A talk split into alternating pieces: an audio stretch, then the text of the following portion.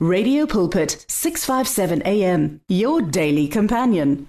Sanibonani sanibonani egameni lenkosi ethu Jesu Kristu waseNazaretha asibingelele kubalaleli bonke egameni lenkosi ethu Jesu Kristu. Sibonge futhi uNkulunkulu. Leli thuba asinikeze lona namhlanje ntambama ukuthi sihlanganyele sizodla nje izwi likaNkulunkulu ngoba izwi likaNkulunkulu lisibane enyaweni zethu kanti futhi izwi likaNkulunkulu likukhanya endleleni zethu. Mangisho njalo ngiyabingelela emakhaya egameni lenkosi inkosi ethu Jesu Kristu waseNazaretha i know. Abanye balalele mhlambe baya drive nkosi yami. Abanye basemsebenzini bangena ama night shift egameni lenkosi ethu Jesu Kristu waseNazaretha. Abanye banethezekile nje umndeni nje oyihlalele kahle egameni lenkosi ethu Jesu Kristu waseNazaretha. Siyabonga kakhulu ngumfundisi umoyo ke lo weChrist Family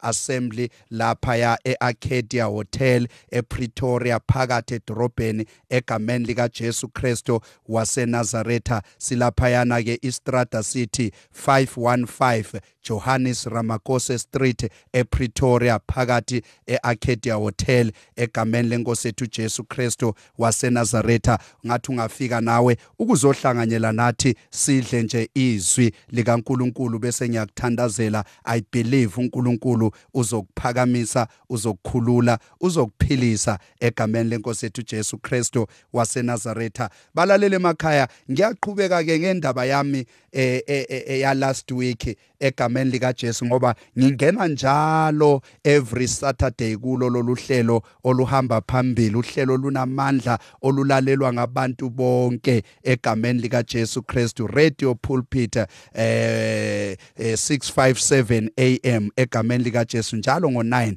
ngiyangena ngikhona la. Now siyaqhubeka ke ngendaba kaHezekiah eh Ezekiel eh chapter 37 uh, from verse 4 to verse uh, verse 7 yeah from verse 4 to verse 7 egameni lika Jesu Kristu waseNazaretha. Yes yes yes yes yes. Ake ngifunde singene nje endabeni yethu egameni lenkosi yethu Jesu. Lithi iBhayibheli Ezekiel chapter 37 verse 4 to 7 wayesethi kimi profeta phezu kwalamathambo uthi kuwo nina mathambo omileyo yizwani izwi likaSimakade. Isho kanje inkosi uSimakade kulawa mathambo. Ithi bhekani ngiyakufaka umoya kini niphile ngiyakubeka imisipha phezukwenu ngihlumise inyama phezukwenu nginimboze ngesikhumba. Ngifake umoya kini niphile. Niyakukwazi ukuthi ngingusimakade. Verse 7 ngase ngiprofeta njengoba ngangiyaliwe. Mm. kwathi lapho ngisaprofeta kwaba ikhona umsindo nobukhehlekhehle amathambo asondelana. Kwayilelo thambo lisondela kwelinye. Ngase ngibona kuvela imisipha phezukwawo kwahluma inyama isikhumba sawamboza ngaphezulu kodwa umoya wawungekho kuwo. Ake ngiqhubeke nje kancane verse 9 wayesethi kimi ndodana yomuntu profeta ku kuwo umoya. Profeta uthi kuwo isho kanje inkosi usimakade. Ithi woza moya uvele emimoyeni yomine. Uphefumlele laba ababuleweyo ukuze baphile. Verse 10 ngase ngiprofeta njengoba ngiyaliwe. Umoya wangena kuwo aphila ema ngezinyawo zawo. Aba yimpi enkulu kakhulu impela.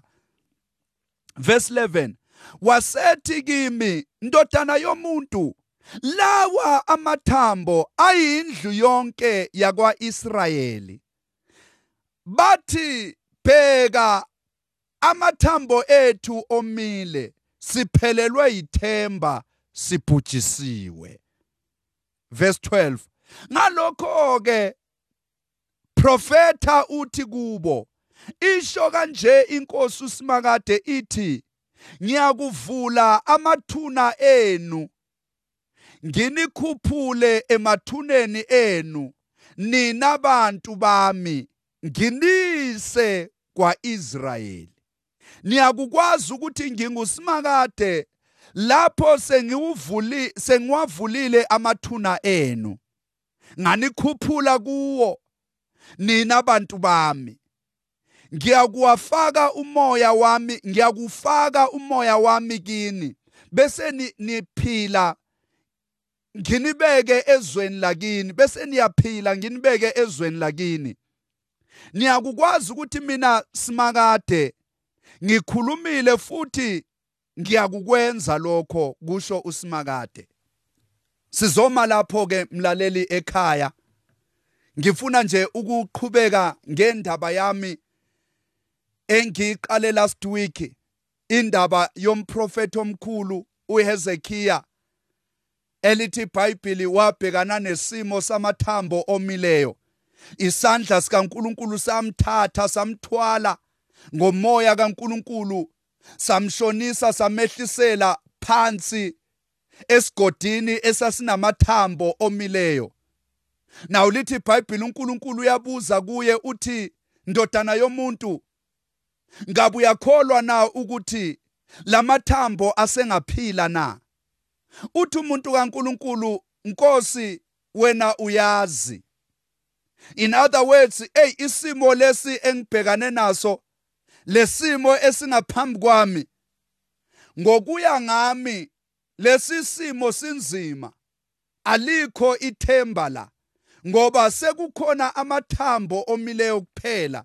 Inyama ayisekho imisipha ayisekho lamathambo afile umoya awuhlali emathanjeni. Umoya uhlala la kunenyama khona la kunemisipha khona okuzogijima khona igazi. Ngamanye amazwi ngokwereality yempilo lesisimo esiphambi kwami ayikho into engenzeka la. Kodwa wena nkosi uyazi. Now lithi iBhayibheli uNkulunkulu uthi kuye nayi instruction engunikeza yona Ezekiya profeta phezukwa lamathambo khuluma kuwo lawo mathambo ngoba umuke wakhuluma wena. Kuzokwenzeka isimanga. Hayi bazalwane namhlanje ngifuna ukukhuluma nabantu abangilalele ukuthi zikhona izinto nezimo uNkulunkulu angenelela kuzo. Yena self kodwa kukhona ezinye uNkulunkulu angakwazi ukuthi angenelele kuzo. Ngenxa yokuthi uNkulunkulu uyawazi amandla awafake phakathi kwakho ukuthi le ayidingi mina idinga wena umnikazi wesimo uqobo lwakho. Now uNkulunkulu enye yezinto ayifake emntwini. Wonke umuntu ophilayo wonke umuntu omamukela uJesu njengenkosi nomsindisi wokuphila kwakhe. Okanye noma ngithi wonke umuntu nje okhona emhlabeni ukuthi emntwini kukhona ukuphila futhi kukhona ukufa. That is why lithi iBhayibheli olwimini lwakho kukhona amandla okuphila kukhona futhi ukufa. Ngamanye amazwi ulimi lwakho lunamandla okuthi lungakhuphula empilweni lukuphakamise. Kanti futhi ulimi lwakho lunamandla okuthi lungakushonisa phansi. Impilo yakho iphele nya. Kungekho umuntu okuthakathile kungekho umuntu okudlela umona kungekho umuntu oxabana nawe. Nalabo ocabanga ukuthi baxabana nawe kanti abanandaba nawe bayiqhubekela ngempilo yabo. Wena ubhizi uthandaza imithandazo yokulwa nabantu abangalwi nawe. Umangale leyo mthandazo ayikusebenzeli ngoba phela uma ulwa nomuntu ongalwi nawe lo muntu izimpi zakhe zithwala nguJehova. njengoDavid athi Jehova ilwa nabalwa nami phambana nabaphambana nami. In other words mina nginguDavida anginandaba nabantu ngiqhubeka ngeassignment yami yokuphila ngiqhubeka ngepurpose yami yempilo. Kodwa wena Jehova umuke wadetector umuke wasensa umuke wabona ukuthi sekukhona isandla semfene empilweni yami. Sekukhona umuntu osefaka isinyama namabhadi nezichitho empilweni yami. Sekukhona umuntu ongibhela umgodi ukuthi ngishone ngiphelele lapho. Hayi uthi wena Jehova labo bantu dila nabo ngoba wena uzolwa nabalwa nami wena uzophambana nabaphambana nami. Now uNkulunkulu ke emntwini balalela emakhaya ufakile amandla okuphila ufakile futhi amandla okudestroya okubhubhisa. That is why abantu abanengi bayazi abanye kukhona lolu hlobo lwabantu oluthi maluke lwakhuluma lwathi ulibambe lingashoni. Hayi nawe lelo langa okanye lobo busuku ubuthongo abehli ngoba usatshiswe ngamazwi athe ulibambe lingashoni. Ngamanye amazwi umuke wabanjwa nje ubuthongo kuphelile ngawena ngeke uvuke uphila wena. Ukuthi kuzokwenzeka kanjani lo muntu akanandaba kodwa kunamazwi awathumele and lawo mazwi yiwona azokushayisa ngovalo yiwona azokufaka ingephe yiwona azokufaka amanzi emadolweni. Ulala ungasalele. Ugcina lobo busuku ungasalalanga ngoba kukhona umuntu othe kuwe ulibambe lingashoni.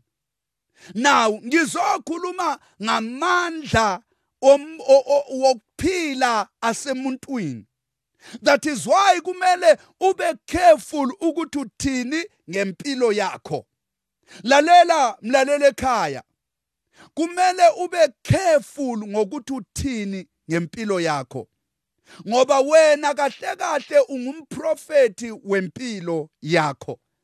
Uthi uNkulunkulu kuHezekiya Hezekiya akuzi ukuvela omunye umuntu azokhuluma nesimo sakho. Nguwe sibonile nguwe obhekane nesimo nguwe omi phambi kwalesi simo nguwe experience lesi simo samathambo omileyo nguwe ophazanyiswa yilesi simo. Ngakho ke profeta phezukwa lamathambo lamathambo awana choice azolandela okanye lamathambo kuzokwenzeka kuwo lento wena ozoyisho. Amazwi akho angakuphakamisa futhi amazwi akho angakushonisa phansi. Be careful ukuthi uthini ngedestiny yakho. Be careful ukuthi uthini ngempilo yakho. Be careful ukuthi uthini ngabantwana bakho. Be careful ukuthi uthini ngomshado wakho. Be careful ukuthi uthini ngomsebenzi wakho. Ngoba kukhona abanye abantu namhlanje balahlekelwe imisebenzi balahlekelwa imishado namhlanje akukhulunyiswana kunezimpi la ekhaya. Abantwana balaleli abantwana basalala ekhaya abantwana basahlala ekhaya.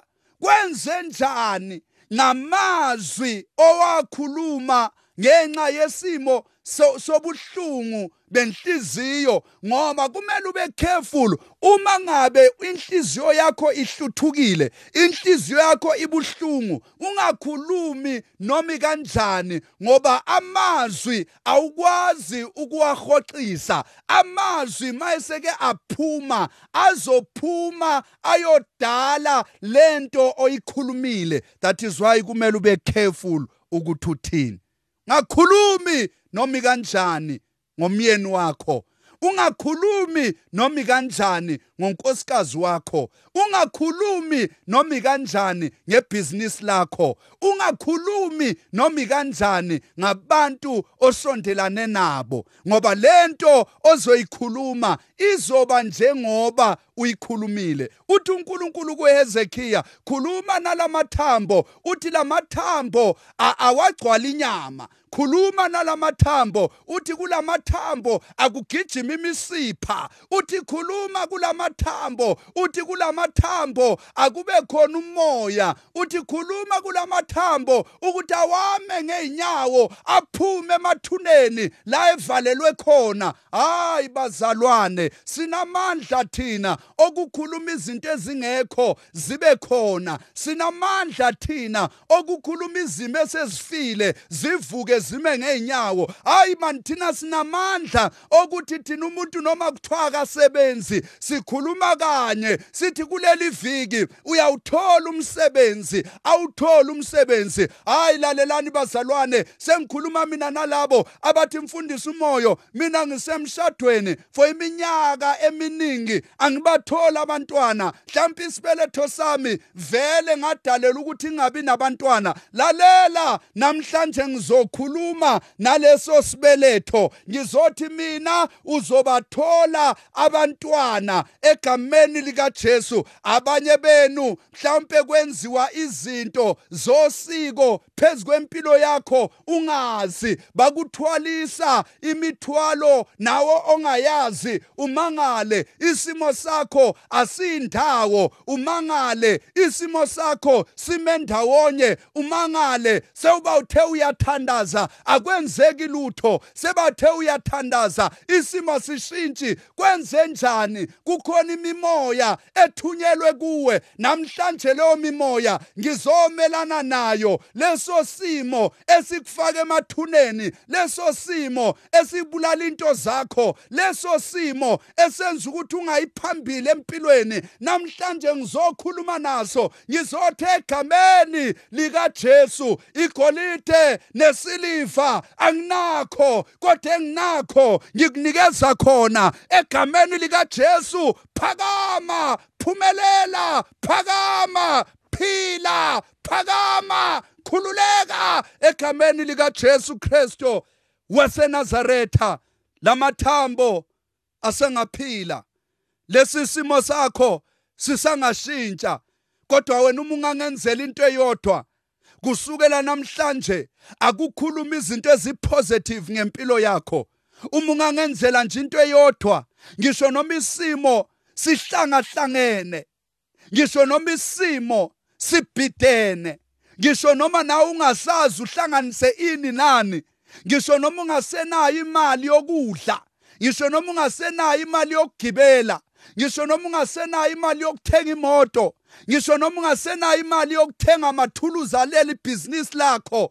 Ngisho noma ungasenayo imali yokwenza lento oyifisayo. Lalela mina ngithi ungakhuluma phezu kwesimo sakho uthi kusukela namhlanje i'm a multimillionaire. Kusukela namhlanje i'm a multibillionaire. Lalela ungabi nendaba ukuthi kuzokwenzeka kanjani. Ngathi ngamemezela ngesikhathi usakhuluma ngesikhathi usaprofetha ngizwa ubukhehlekhehle bamathambo ehlangana lithi iBhayibheli ngesikhathi uHezekhiya eprofetha ekhuluma wayengazi ukuthi seyadala wayengazi ukuthi nakhu manje ibutho amasosha kaIsrayeli abantwana bakaIsrayeli bathola amandla bathola ukuphila. Ngaleso sikhathi ekhuluma enganakile inyama yayihluma. Ngesikhathi ekhuluma enganakile imisipha yayihlangana. Ngesikhathi ekhuluma enganakile umoya wawungena kulamathambo asenenyama. Inyama nemisipha baphila. Abantu bakaNkuluNkulu ababengasenathemba abasebefakwe emathuneni. Hayi man ungakhuluma man ungakhuluma kuleli viki. Uthi mina impilo yami iyashintsha. Egameni lika Jesu Kristu. Mina ngiyakholwa izinto ozozikhuluma kusukela namhlanje zizoba njengoba ukhulumile egameni lika Jesu akho umuntu ongaphikisana nevoice yakho egameni lika Jesu ngiyabonga kakhulu balalele emakhaya. God bless you. Siphinde sihlangane futhi next week same time. Mfundisi umoyo lo. God bless you. The words of the Lord are words of life. Your heart is on 657 AM. 657 AM. Radio for believers in action.